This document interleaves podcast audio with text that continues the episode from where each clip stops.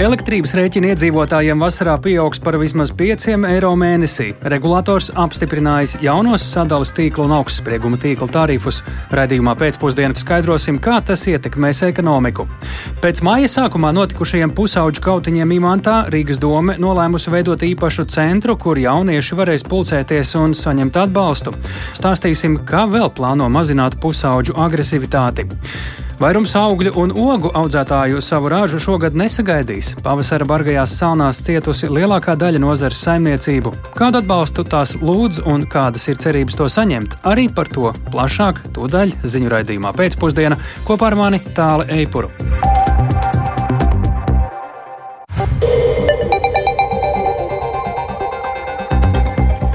Pūkstens ir 16 un 5 minūtes. Pēcpusdienas ziņu programma ir jūsu radio uztvērējos skaidrojot šodienas svarīgus notikumus. Studijā tālāk Eipurs. Labdien! Par elektrību no 1. jūlija būs jāmaksā vairāk. Sabiedrisko pakalpojumu regulēšanas komisija ir apstiprinājusi jaunos sadalījuma tīkla un augstsprieguma tīkla tarifus. Ietekme uz maisaimniecībām būs dažāda, atkarībā no patēriņa un atkarībā no pieslēguma veida. Cik liels tad varētu būt pieaugums un kurus elektrības patērētājus tas varētu ietekmēt visvairāk? Par to kolēģi Dats Pēkšēna izvaicāja regulātoru izpildirektoru Jāni Miķelsonu. No 1. jūlija mainīsies sadalījuma tīkla pakalpojumu tarifs. Tarifs ir noteikts divdaļīgs. Fiksētā daļa par jaudas uzturēšanu un mainīgā daļa par enerģijas piegādi, līdzīgi kā tas bija līdz šim. Salīdzinājumā ar spēkā esošo tarifu maksa par enerģijas piegādi ir nedaudz samazinājusies, savukārt maksa par jaudas uzturēšanu ir pieaugusi. Līdz ar to katra konkrēta lietotāja maksājums mainīsies atkarībā no tā, kāds ir pieslēgums, vai tas ir vienfāzes vai trīsfāzu. Ja tas ir vienfāzes pieslēgums, tiek izmantots dzīvokļos, tad pieaugums varētu būt par apmēram 5 vai 7 eiro mēnesī. Savukārt, ja tas ir trīsfāzes pieslēgums, tad tur ir iespējams daudz lielāks patēriņš. Līdz ar to arī pieaugums vārstības varētu būt lielākā intervālā ja tas ir trīspārs pieslēgums un ievada aizsardzības aparāta drošinātāju stāvu stiprums ir piemēram 16 vai 20 ampēri, tad pieaugums varētu būt ap 12, 14 eiro mēnesī. Ja tas ir lielāks jaudas pieslēgums, tad izmaksu pieaugums varētu būt arī vēl lielāks. Tas nozīmē arī to, ka savā ziņā nu, dzīvokļos varētu būt šis pieaugums mazāks un privāti mājās lielāks. Principā jā, 90% dzīvokļu ir ar vienfāzes pieslēgumu, tā kā pamatā dzīvokļos dzīvojošiem šis pieaugums ir salīdzinoši mērens. Savukārt no privātu mājām arī daļa ir ar vienfāzes pieslēgumu Bez tam ir arī objekti, kas nav pastāvīgi apdzīvoti, kas varbūt piemēram dārza mājiņa vai garāža, kuros ir relatīvs pieslēgums. Tad arī šiem pieslēgumiem ir jāskatās, vai ir piemērotais tarifu veids atbilstošs. Un attiecībā uz objektiem, kuriem varbūt nav pastāvīgs patēriņš, piemēram, tā dārza māja, kur tiek elektrība tērēta tikai dažus mēnešus gadā, ir iespēja pāriet uz speciālo tarifu, kuram savukārt nebūs lielas fiksētās maksas, bet būs dārgāka maksa par katru patērēto kilovatstundu. Runājot par pašiem tarifiem, sākotnēji atcerēsimies, ka tarifu pieaugums bija paredzēts vēl lielāks. Atgādiniet, uz kā rēķina izdevās samazināt to tarifu pieaugumu? Sākotnējais tarifu projekts bija iesniegts pagājušā gada oktobrī no augstsprieguma tīkla puses un novembrī no sadalījuma tīkla, kad bija ļoti strauji elektrības vairumtirdzniecības cenu kāpums un arī citas izmaksas būtiski pieaugušas.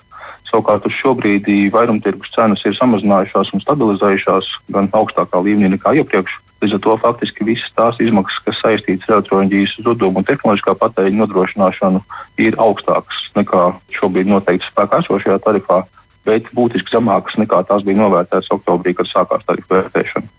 Arī par vairākām citām izmaksu pozīcijām tobrīd gatavotā prognoze un tajā laikā esošā inflācija norādīja, ka tās izmaksas varētu pieaugt straujāk šobrīd ņemot vērā inflācijas prognozes un esošos cenu līmeņus, vairākās pozīcijās izmaksas ir samazinātas pret to, kā tās bija sākotnēji iesniegtas. Tomēr kopējās izmaksas gan augstsprieguma tīkla, gan sadalījuma tīkla pusē ir lielākas nekā līdz šim piemērotajos tarifos. Par cik procentiem ir zemāks šis tarifs nekā tika pieprasīts paaugstināt? Vairāk nekā uz pusi no visa pieauguma šobrīd ir izdevies samazināt. Attiecīgi pret līdzinējiem tarifiem pieaugums ir 30-32% sākotnējais bija vairāk kā 50. Tā Jānis Miķelsons, regulātora izpildirektors, sarunā ar kolēģi Dats Pēkšanu par to, ka no 1. jūlija būs vairāk jāmaksā par elektrības piegādi, bet sazinājuši, sazinājušies tātad mēs šobrīd esam ar Svetbanku, Latviju galveno ekonomistu Līvu Zorganfrēju. Labdien! Labdien! Cik, jūsuprāt, būtisks ir šis cenu pieaugums par elektrības piegādi mājasēmniecībām uzņēmumiem? Daļai tas var izklausīties tāds diezgan paprāvs.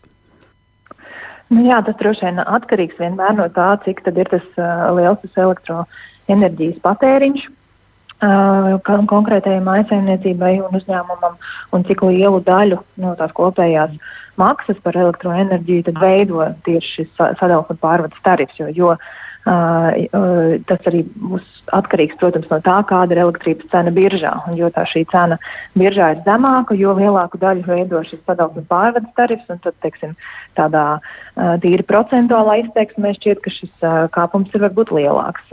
Savukārt, savukārt kopumā tas, nu, tas viss atkarīgs jā, no tām. Um, katra, katra atsevišķā uzņēmuma un uh, maisaimniecības. Jā, tas ir par tīri tā skaitliski, bet pēc būtības šāds pieaugums ekonomikā, uh, ka divi lielie sadales uh, tīkli, augstsprieguma un sadales tīkls ir nolēmuši par, nu, dzirdējām, 30% apmēram audzēt šos tarifus caurmērā, tad ko tas nozīmē kopumā? Vai to var teikt un saukt par būtisku pieaugumu? Uh, jā, nu tas, uh, tas ir vērā ņemams pieaugums noteikti. Ja, ja mēs uh, iepriekš uh, skatījāmies uz inflāciju uh, tieši šajā elektroenerģijas sadaļā kā tādu, kas nu, drīzāk uh, ies uh, teiksim, ar lejupējošu tendenci, tādēļ, ka mēs redzam šīs uh, pozitīvo kustību pasaules cenās, tad uh, šis nu, nedaudz pamaina to trajektoriju. Un, uh, uz gada beigām vairs nu, tik, uh, par tik optimistiski par zemām un ļoti zemām cenām mēs vairs nevaram būt. Uh, bet, uh, bet skaidrs arī tas, ka joprojām uz gada beigām mēs raugāmies ar pozitīvu skatu tādā ziņā, ka arī maksa kopējā par elektroenerģiju tai vajadzētu būt mazākai nekā pērnajā ziemā.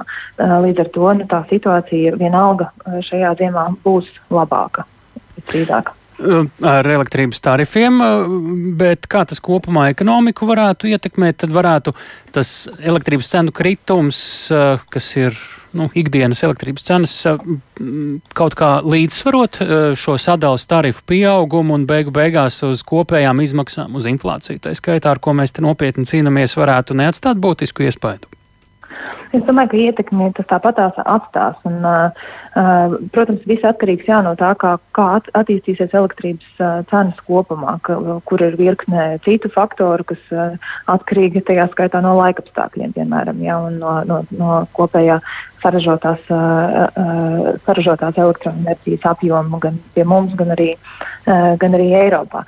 Tā kā, jā, šie, šie, faktori, šie faktori ir ļoti daudz. Tas, um, bet tāds uh, signāls par to, ka, ka kāpj arī teiksim, šīs uh, sadalījuma uh, pārvades cenas, tas uh, ir viena, viens no signāliem par to, ka šīs sadārdzinājums, kas iepriekš ir bijis redzams pasaules cenās, elektroenerģijas cenās arī Latvijā, nu, tas nonāk arī tālāk, ieiet iekšā inflācijā nevis tikai tādā tiešajā veidā, kā dārgākas enerģijas cenas, bet arī jā, šajos jau sekundārajos veidos, kā piemēram citās, citās pakalpojumu grupās. Jā, šie tarifi sadalījumi pārvadē ir augstāki, tāpēc ka viņiem jāmaksā vairāk par Eh, par tehnoloģisko patēriņu un sistēmas uzturēšanas izmaksām. Ja? Tāpat mēs arī redzam līdzīgi, kā sadārdzinās uh, citas uh, preces un pakalpojumi, tāpēc ka iepriekš ir sadārdzinājušās šīs elektroenerģijas cenas nu, teiksim, enerģijas tikai sektorā. Tas viss virza inflāciju uz augšu un tieši tajā pamatinflācijas Jā. vai tajā mazāk svārtīgajā komponentē. Jā. Lielas paldies par sarunu Līva Zorgenfrēja, Svetbanka Latvija galvenā ekonomiste. Paldies. Te jāpiebilst, ka lai katrs eh, pats savu uzņēmumu vai mājasēmniecībai precīzi uzzinātu gaidāmās rēķina izmaiņas, sabiedrisko pakalpojumu regulā, regulēšanas komisija aicina izmantot sadalas tīkla tarifu kalkulātoru. Arī tāds ir pieejams.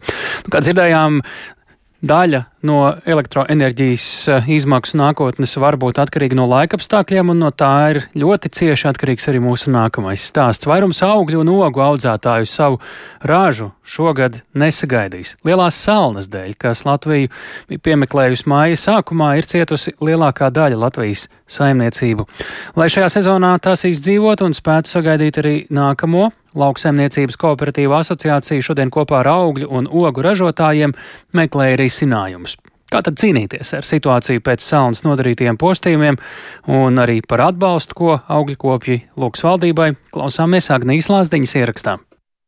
Šis gads ir bijis īpaši nesaudzīgs augļu kopiem, jo salnas ir iznīcinājušas vairāk nekā pusi no paredzamās ražas. Lauksaimniecības pakalpojumu kooperatīvās sabiedrības bioberijas valdes priekšsēdētājs Gundars Kārkliņš stāsta, ka kooperatīvā ir 42 biedri pa visu Latviju, kas audzē upenes. No salnas postījumiem nav bijis pasargāts neviens. Upenes neziedēja, bet bija jau zieda aizmetņi, par ko es cerēju, ka varbūt tie krūmi izturēs, bet diemžēl šis laiks parāda to, ka ne, krūmi nav izturējuši. Lapas paliek apsalušas, zieda aizmetņi nobiruši, ziedi neveidojās līdz ar to. Manā saimniecībā 17 hektāros ir bojā gājuši 100% raža. Apzinot biedrus, nu, faktiski es secinu, ka mums raža bojā gājusi nu, vismaz 80%. Katrā Latvijas augļu kopju saimniecībā zaudējumi ir dažādi, taču visvairāk cietuši ir saldie ķirši, kur atsevišķās saimniecībās šogad ražas nebūs vispār. Melenēm zaudējumi mērāmi 80 līdz 90% apmērā no visiem augiem, upenēm aptuveni 70%, ābelēm 50 līdz 60%. No salnas cietušas arī agrās zemenes, plūmes, avenes un citi augļu koki un krūmi. Tik ilga un postoša salna Latvijā nav novērota pēdējos 20 vai 30 gadus. Tā norāda Latvijas augļu kopju asociācijas valdes priekšsēdētāja Māra Rudzāte. Tā problēma ir milzīga. Šādu situāciju neatcerās neviens no pašreizējiem augļu kopiem, jo nu, 2004. gadā vienīgi bija kaut kas līdzīgs, bet tas bija tikai viena nakta un temperatūras bija daudz mazākas. Arī bez ražas saimniecība ir jāuztur. Tā nezaudējot arī nākamā gada ražu. Saimniecības uzturēšanai vajadzīgs mēslojums, ir jāapstrādā lauki, jāapkaro slimības, jānovērš salabojājumi, tāpat arī jāmaksā nodokļi un jādara citi darbi, kuriem nepieciešami līdzekļi. Ja ražas nav, tad nav arī ieņēmumu, par kuriem var tos veikt. Kā norāda saimniecību pārstāvi, vieglāk ir tiem, kuriem ir savi iekrājumi vai arī īpašumi, ko pārdot. Tāpat arī lauksaimniekiem, jo viņiem ir arī citi ienākuma avoti, kā piemēram graudkopība. Taču ir daudz smagu gadījumu, kur saimniecības nodarbojas tikai ar augļu kopību, kad ja raža zaudēta pilnībā, nav kur gūt līdzekļus. Turklāt daudzās saimniecībās tas ietekmē arī iespējas samaksāt darbiniekiem. Tāpēc augļu kopi cer, ka valdība sniegs finansiālu atbalstu vismaz par zudušo ražu, lai spētu atgūt zaudējumu apmērus. Turpina Latvijas lauksaimniecības kooperatīva asociācijas ģenerāldirektors Rolands Feldmanis. Kopējo kompensācijas apmēru, kas ir nepieciešama Pirmām kārtām jāapskatās kopējās platības. Kopējās platības pēc mūsu aplēsēm ir aptuveni 2500 hektāri. Taču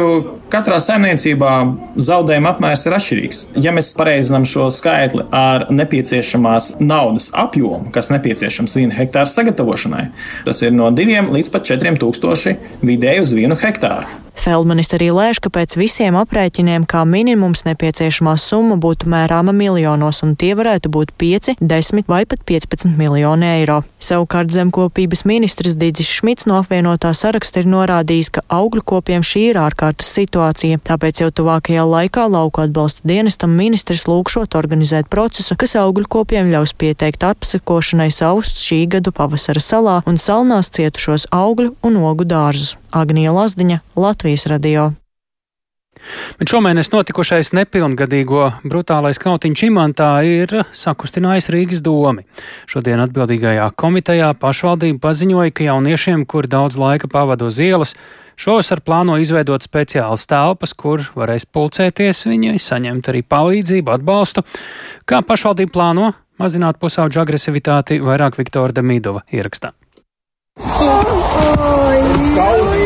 Māja garajās brīvdienās mikroblogošanas vietni Twitter pāršauca imantā uzņemts video, kurā redzams, ka dienas laikā vairāki pusauģi spārdu un sit savu vienaudzi. Vairāki nepilngadīgie kautiņu novēro un filmē. Rīgas pašvaldības policija informē, ka kopumā aizturējusi trīs personas. Izrādījies, ka viņi nav huligāni. Gluži pretēji, jaunieši skolā mācās labi. Tā šodien Rīgas domes drošības kārtības un korupcijas novēršanas jautājumu komitejas sēdē paziņoja pašvaldības policijas priekšnieks Juris Lūkas, atsaucoties uz pusauģu skolotāju teikto. Savukārt lielas galvas sāpes likumsargiem sagādā tā sauktie ielu jaunieši, kas regulāri pulcējas publiskās vietās. Tā atzīst valsts policijas pārstāvis Juris Staļģevits, norādot, ka pēc kautiņa imantā skolās situācija ir sāsinājusies. Pēc šī 5. māja gadījumiem valsts policijā saņemti jau vairāk iesniegumu par līdzīgiem gadījumiem. Tā kā šī vardarbība ir. Un te ir noteikti jādomā, kā viņu mazināt, vai tikai sodot mēs panāksim no šiem bērniem, kad eh, viņi to vairāk eh, nedarīs. Nu, es nezinu, protams, kāds noteikti vairāk tā nedarīs, bet mēs zinām arī eh, mūsu teiksim, centrā. Origo dzelzceļa stācijā ja, šos jauniešu nepilngadīgos, un ne tikai, kas mums arī dara pietiekami liels problēmas, ja, kā ir nosaukt šie Origo bērni, ja, kas mūsu redzeslokā jau ir jau nu, vairāku gadu griezumu. Lai problēmu risinātu, skolās vajadzīgi aktīvi preventīvi pasākumi, kuros jāsadarbojas arī skolotājiem un vecākiem. Tā uzskata jauniešu organizācijas Resiliences centrs valdes loceklis Kārlis Mednieks. Jāspēj pareizi paskaidrot to, ka mēs ejam uz to, lai radītu drošu vidi skolā, lai mēs radītu drošu vidi klasē un lai skolēns varētu justies droši. Jo, ja agresijas līmenis ir augsts, mēs skolā ieliekam vēl policistu un pastiprinam sodus, nu, kā zināms, tas rada attiecīgi pretestību jau.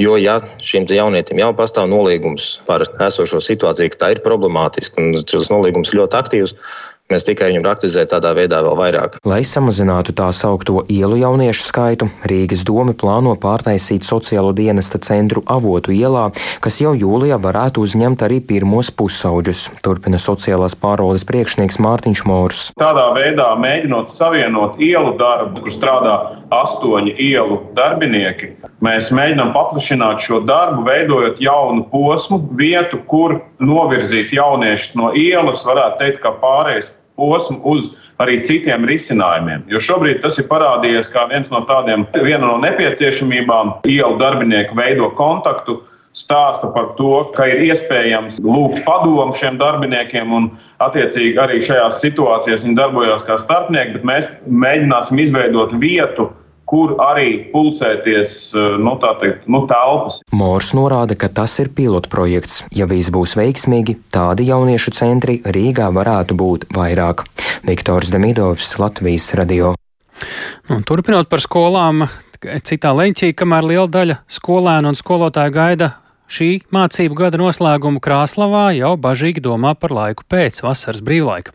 Nav skaidrības par tur esošās grāfu plāteru vārdā nosauktās poļu pamatskolas likteni.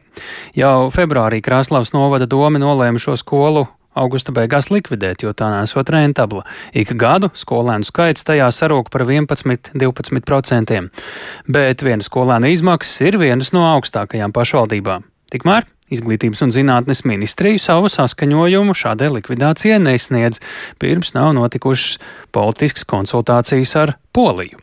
Vairāk Silvijas Smagars ierakstā.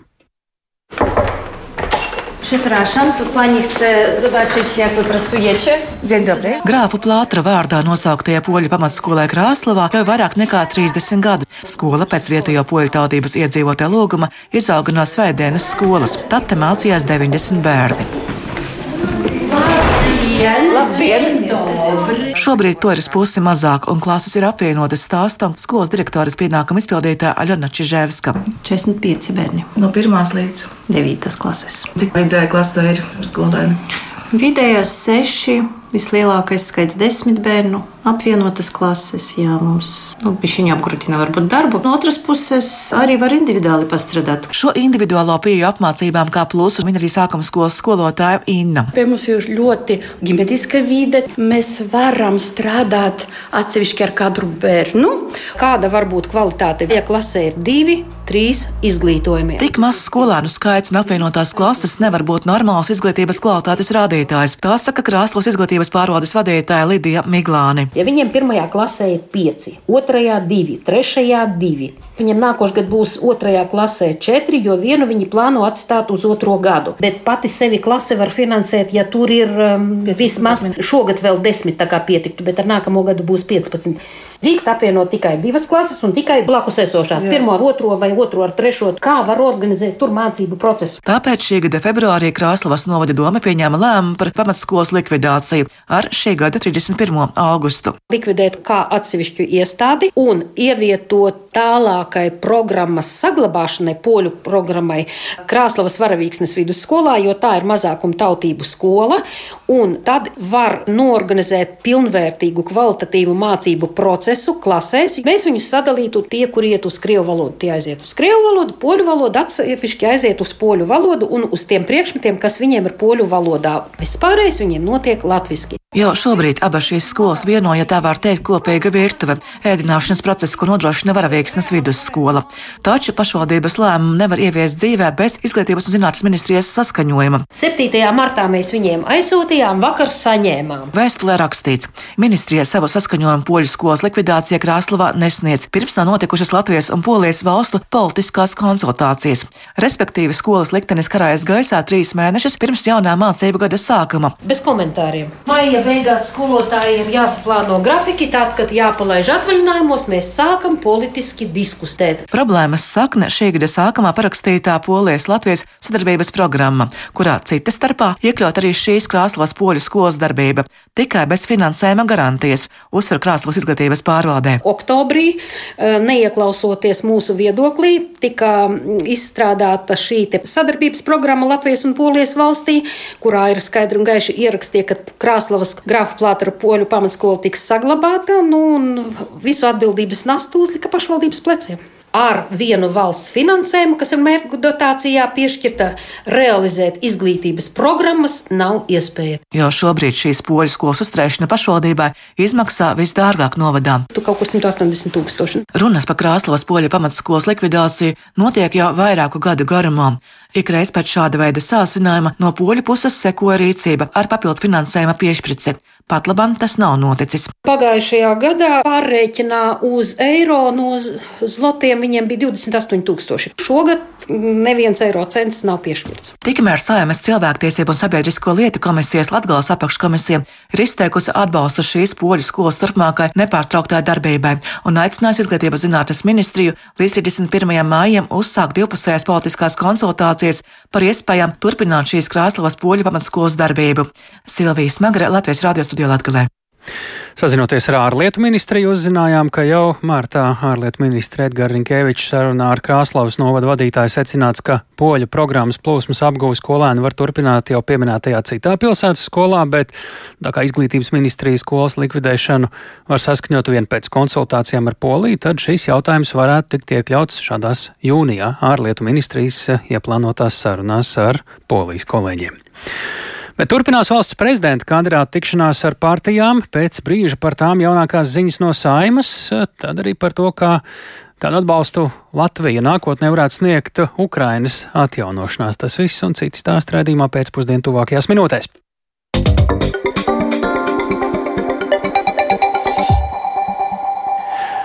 Ukraina ļoti novērtē Latvijas finansiālo un cita veida atbalstu tās ceļā uz valsts atjaunošanu. Tāpēc tikšanās ar Ukrainas uzņēmēju asociācijām šodien Kijivā pavēstījusi Latvijas ekonomikas ministra Ilza Indriksone.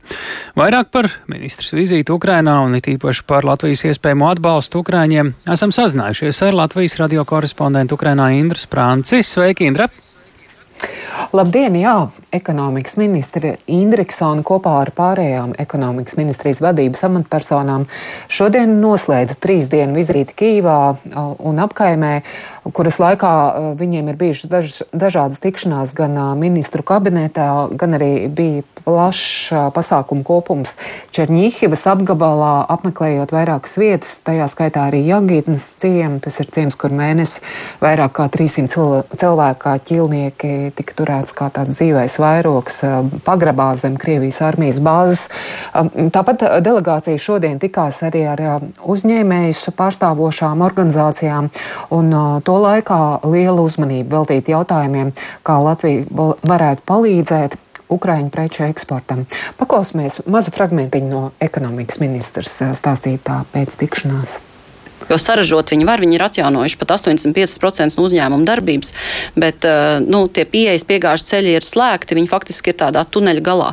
Un tas ir, nu, varētu teikt, praktisks rīcības jautājums, kā mums izdosies vienoties ar citām Eiropas valstīm, ar Lietuvu, ar Poliju, kā šos ceļus veidot, lai faktiski par samērīgām izmaksām viņi varētu nokļūt nevis tikai uz Eiropas tirgiem, bet uz visiem pasaules tirgiem caur mums, varētu teikt. Bet tāpat laikā mēs ļoti konkrēts jautājums arī risinājām, kā un kādā veidā vislabāk, viscaurspīdīgāk, vissaprotamāk īstenot šos atbalsta instrumentus, ko Latvijas valsts ir iezīmējusi un paredzējusi tādā praktiskā palīdzībā. Nu jā, un šī eh, praktiskā palīdzība tie ir tie 5 miljoni eiro, ko Latvija ir nolēmusi veltīt, um, lai palīdzētu atjaunot Černīhivas apgabalu. Tur ir, um, protams, par šo naudu nevarēs visu izdarīt, jo tie postījumi ir milzīgi. Tur ir ļoti liels skaits dzīvojamā ēku, slimnīcas, um, bērnu dārzi, arī tilti bija nopostīti. Taču tas ir neliels, bet ļoti, ļoti nozīmīgs atbalsts Ukraiņiem, kas kas viņiem šobrīd ir vajadzīgs. Jā, Indra, vai Latvijas uzņēmēji varēs piedalīties uh, savu šo naudu vai kā citādi Černīhivas apgabala atjaunošanā? Jā, tajā skaitā caur šo naudu Latvijas uzņēmēji varēs piedalīties šajos pasūtījumos. Un, ir, doma ir tāda, ka vienu daļu naudas ir, ir iecerēts veltīt tādām tā neatliekamām vajadzībām, kas ir, ko, ko veiks paši Ukraiņi, bet daļai, piemēram, kaut kādos pasūtījumos Latvijas uzņēmēji varētu piegādāt kaut kāds izējuma materiāls. Nu, piemēram, tas ir tie būvmateriāli, kurus, kur, kas tiek ražot Latvijā, bet kur, kurus tad varētu izmantot kaut kādos būvprojektos šajā apgabalā. Un uh, ekonomikas ministrs stāstīja, ka ir jau notikuši šāda aptauja un atsevišķi uzņēmēji jau ir atsaukušies šai iespējai. Uh, tāpat Latvijas un Ukrainas puse pārunājuši jautājumus, kas skar piemēram, veselu būvprojektu pārņemšanu un tātad no Latvijā īstenota, ko varētu tad veselu kā projektu īstenot jau Ukrainā. Un uh, ir arī dažādi citi specifiski jautājumi, kas šajās dienās pārunāti, bet tas galvenais uh, secinājums ir uh, jāstiprina divpusējā sadarbība, lai Latvijas un Ukrainas uh, uzņēmēji varētu patieši nepastarpināt, veidot kontaktus un meklēt dažādus uh, risinājumus, kā turpināt um, šo darbu kopā. Nu, Ukrainā noteikti ir cita vide nekā Latvijā, gan tīri Ukrainas pašas dēļ, gan kara apstākļu dēļ. Ar kādām grūtībām Latvijas uzņēmēji šobrīd tur sastopas vai varētu sastapties? Jā, protams, šobrīd uh, galvenais un vissāpīgākais jautājums ir uh, saistīts ar karu un visām tām nelaimēm, kas no tā izriet ļoti daudz, un es tagad uh, to visu to nepārunāšu. Bet nu, Latvija cenšas atbalstīt uzņēmējus Ukrainā, un ministrs šodien stāstīja, ka ir jau izmaksāta arī pirmā eksporta kredīta garantija, proti kara rezultātā uzņēmējiem ir radušies zaudējumi, un caur šo garantiju šie zaudējumi ir sekti. Kopumā šim mērķim ir pieejama 16 miljoni eiro, taču interesi pagaidām nav liela. Mm, ir apstiprināta, nevis izsniegta vēl viena garantija, tā ir 225 tūkstoši apmērā kādam uzņēmumam, kas nodarbojas ar saldētu zivju realizāciju, bet, protams, ir vēl dažādi citi izaicinājumi, dažādas grūtības, kas, ar kurām nāk saskaties uzņēmēji, un viens tāds liels bloks ir saistīts ar um, ļoti sarežģīto savstarpējo finanšu norēķinu kārtību. Un uh, radio klausītājiem paskaidrošu, ka tā vienkārši, piemēram, pārskaitīt naudu uz kādu kontu Ukrainā no savu bankas kontu Latvijā vienkārši nav iespējams. Tur ir vajadzīgs, piemēram, valūtas konts, bet, Jā. bet citā veidā jārisina. Un uh, tas, kas šodien tika uh, saņemts tāda, tāds solījums, ka šie te jautājumi tiks risināti un Ukraiņi domās, kā šo kārtību pārskatīt un atvieglot. Šis ir svarīgi arī tad, ja kāds vēlas vienkārši ziedot Ukraiņiem kaut ko un uh, ir ar to sarežģīti tā, diezgan šobrīd. Paldies Indrais Prancei, tiešraidē no Kīvas. Mēs uh, pārceļamies uz tiešraidi no Briseles. Drošība ir viens no centrālajiem tematiem premjerministra Krišāņa Kariņa šīs dienas vizītē Briselē. Viņš tieks ar Eiropas parlamenta priekšsarētāju Robertu Metsolu Eiropas Tautas partijas vadītāju Manfredu Weberu un NATO ģenerālsekretāru Jensu Stoltenbergu. Kariņa vizīte notiek dienā, kad Eiropas komisija nākus klajā ar pavasara ekonomikas ieteikumu ieteikumiem, kuros mudina Latviju samazināt budžeta deficītu. Par visu plašāk ir gatavs pastāstīt mūsu Briseles korespondents Arčuns Konohaus. Ar viņu esam sazinājušies tiešraidē. Labdien, Arčum! Kādēļ premjerministrs Kariņš ir devies uz Briseli tieši tagad? Es saprotu, sāk, sākam mēs ar drošības jautājumiem. Jā, labdien, tālu, labdien, klausītāji! Tik tiešām ir Krišjāns Kariņš ir ieradies šodien, Tas uh, varētu būt lielā mērā saistīts ar to, ka notiek aktīva gatavošanās uh, jūlijā gaidāmajam NATO samitam. Un drošība ir galvenais temats, kā arī pats Kariņš ir norādījis uh, sarunā ar Latvijas rādio.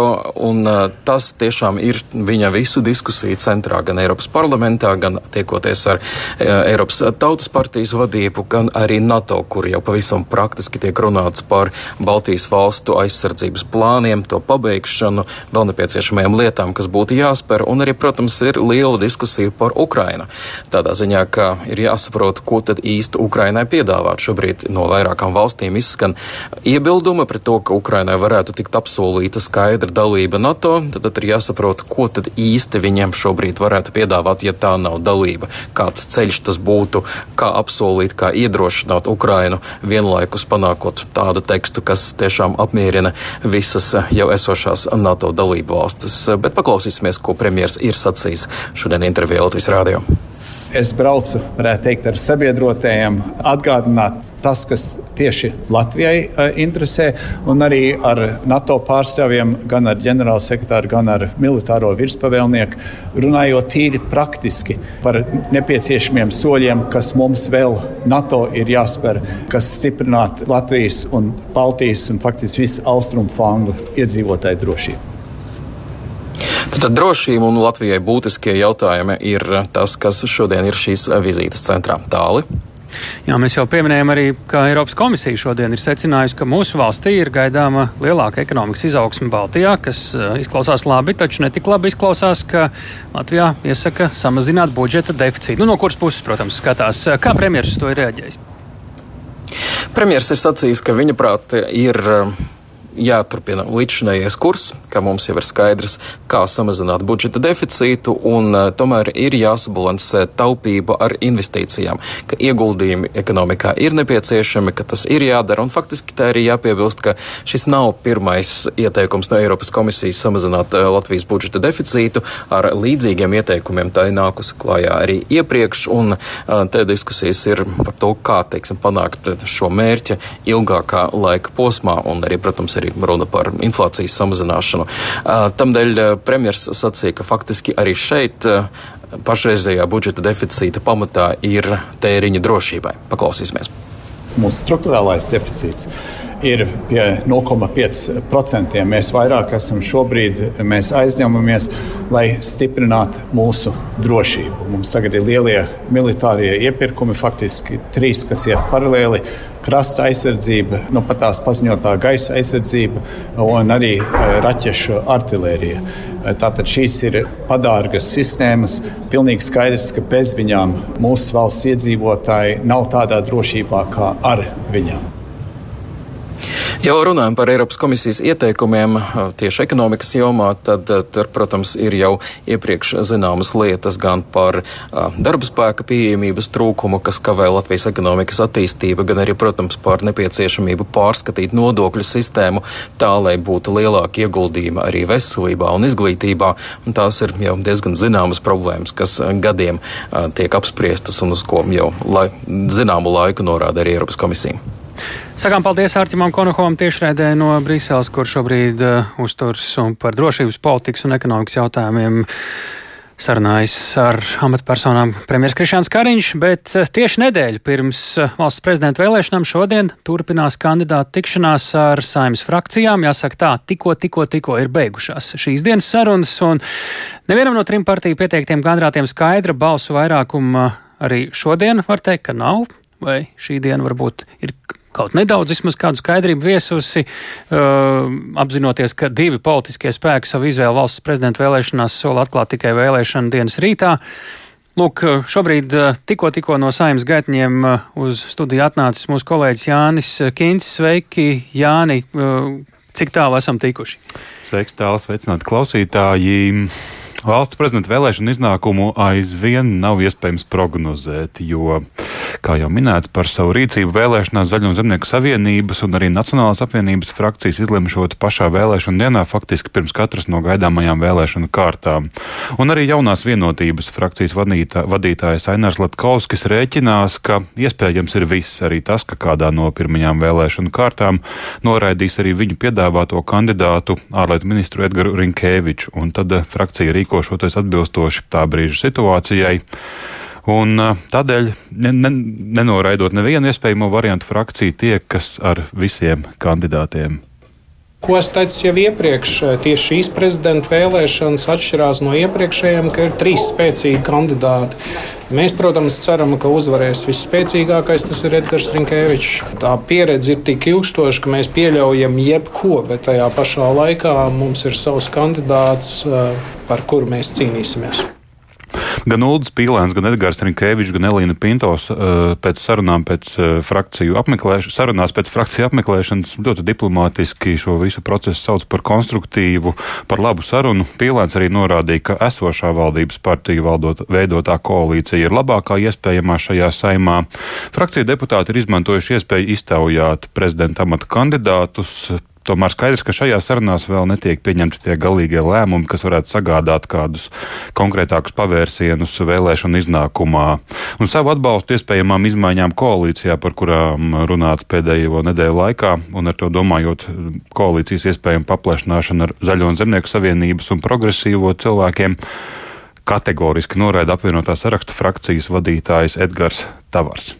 Apvienotais saraksts nav gatavs piedalīties politiskajā spēlē, kur ir negodīgi un iespējams pat tādi apšaubām šie noteikumi. Nekādā gadījumā, nevienā, ne otrā epizodē. Atklāti noteikumi, skaidri, korekti. Godīgi gan attiecībā pret likumiem, gan attiecībā pret sabiedrību. Respektīvi, piedalīties koalīcijā, kur tiek veidota tikai tāpēc, ka kādam nopirkts politiski šīs balsis, politisko ietekmēšanu, politisko tirgu domājot balsojumu apmaiņā pret solījumu būt valdībā, mēs šādā spēlē, identiskā Nacionāla apvienība, nepiedalāmies.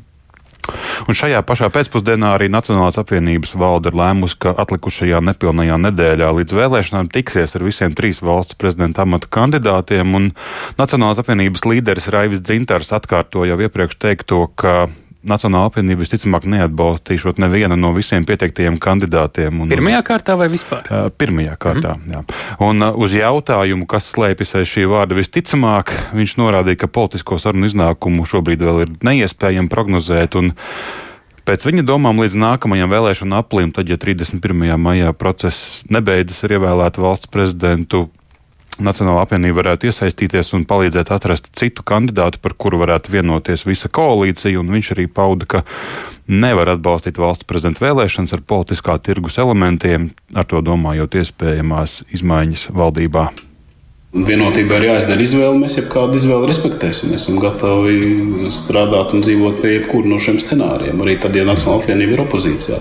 Ka, ja norēķināšanās par atbalstu prezidenta vēlēšanās būs uh, Lemberga partijas un, un progresīvo iesaistīšana valdībā, tad mēs uh, vēlam viņiem veiksmi, bet mēs nebūsim gatavi piedalīties šajā pasākumā. Protams, tur viss ar visiem runā, un, un, un nu, mēs to darām arī ar atklātām kārtīm, pozicionējot to publiski. Un arī saimnes opozīcijā esošās Zaļo un Zemnieku savienības frakcija, kā jau ziņots par savu balsošanas taktiku, lems vēlēšanu dienā. Nu, tādējādi droši varam teikt, ka intriga šajā procesā būs līdz pašam pēdējiem brīdim. Kāda ir šobrīd noskaņa saimnes gaiteņos, tad, kad uh, jūs uzdodat jautājumus deputātiem? Mēs šeit neredzam tās sejas izteiksmes, uh, nedzirdam visas intonācijas, kas ir pirms un pēc ierakstiem. Intonā, intonācijas ir tādas, nu, kā tāda sajūta, ka visas tās sarunas ir bijušas kā satiktos uh, labi draugi un apmainās. Pat ja nav no vienas partijas. Pat ja nav no vienas jā. partijas, jā, nu, ir tiešām diplomātijas elementi redzami, savstarpēji tāda cieņa, es to varētu raksturot. Arī tad, ja sarunājas cilvēki, kurus, ticamāk, varbūt viens par otru nebalso šajā procesā, vismaz ne pēc tā, kā tas tiek izteikts. Nu, ja tu izvirzīsi savu kandidātu, skaidrs, ka tu gribi panākt visu iespējamo atbalstu savam kandidātam. Vismaz pirmajā kārtā. Jā. Vismaz pirmajā kārtā. Nu, jā, nu, un šie izteikumi attiecībā uz uh, Zaļo Zemnieku savienību plus progresīviem plus jauno vienotību, nu, tas gan tas diezgan vai no manevrs pirms prezidenta vēlēšanām vai skaļš signāls. Grūti saprast. Nu, manevrs. Uh, kam apakšā ir matemātika, ka nu, balsu prezidenta ievēlēšanai šādā kombinācijā pietiktu, bet uh, tāpat laikā droši vien jāapskatās, vai Zaļā zemnieku savienība un progresīvie vienā valdībā, nu kā tās politikas vispār iet kopā arī šajos jūtīgajos jautājumos, kā par Stambulas konvencijas ratificēšanu un citām atšķirīgām lietām viņu līdzinējās pieejās. Paldies Jānim Kīncim. Nākamās tikšanās šobrīd kaut kur ir ieplānotas vai vēl tiek? Pašlaik nav Nacionāla apvienība, būs tā, kas gribēs satikties, kā jau teicu, ar visiem trījiem. Un Tas kalendārs vēl nav redzams. Grafika vēl nav redzama. Bet... Paldies, Jāni. Tik tālu uh, ziņas no saimas un tik tālu viss raidījums pēcpusdiena šajā dienā kopumā. To veidoja Tāls Eipurs, Ilza Aginta, Uldis Grimbergs, Kristaps Runģis. Šis raidījums skan katru darba dienu pēc ziņām 4,5 minūtēs un katru darba dienu uh, īsu brīdi pēc raidījuma. Tas pieejams arī Latvijas radio mobilajā lietotnē. Gan lai jūs paši noklausītos to, ko vēlreiz varbūt rūpīgāk gribētu saprast, vai arī padalītos ar citiem citiem, ja uzskatāt, ka ir bijusi kāda, kādam vērtīga ziņa. Mēs tiekamies rīt. Visu labu!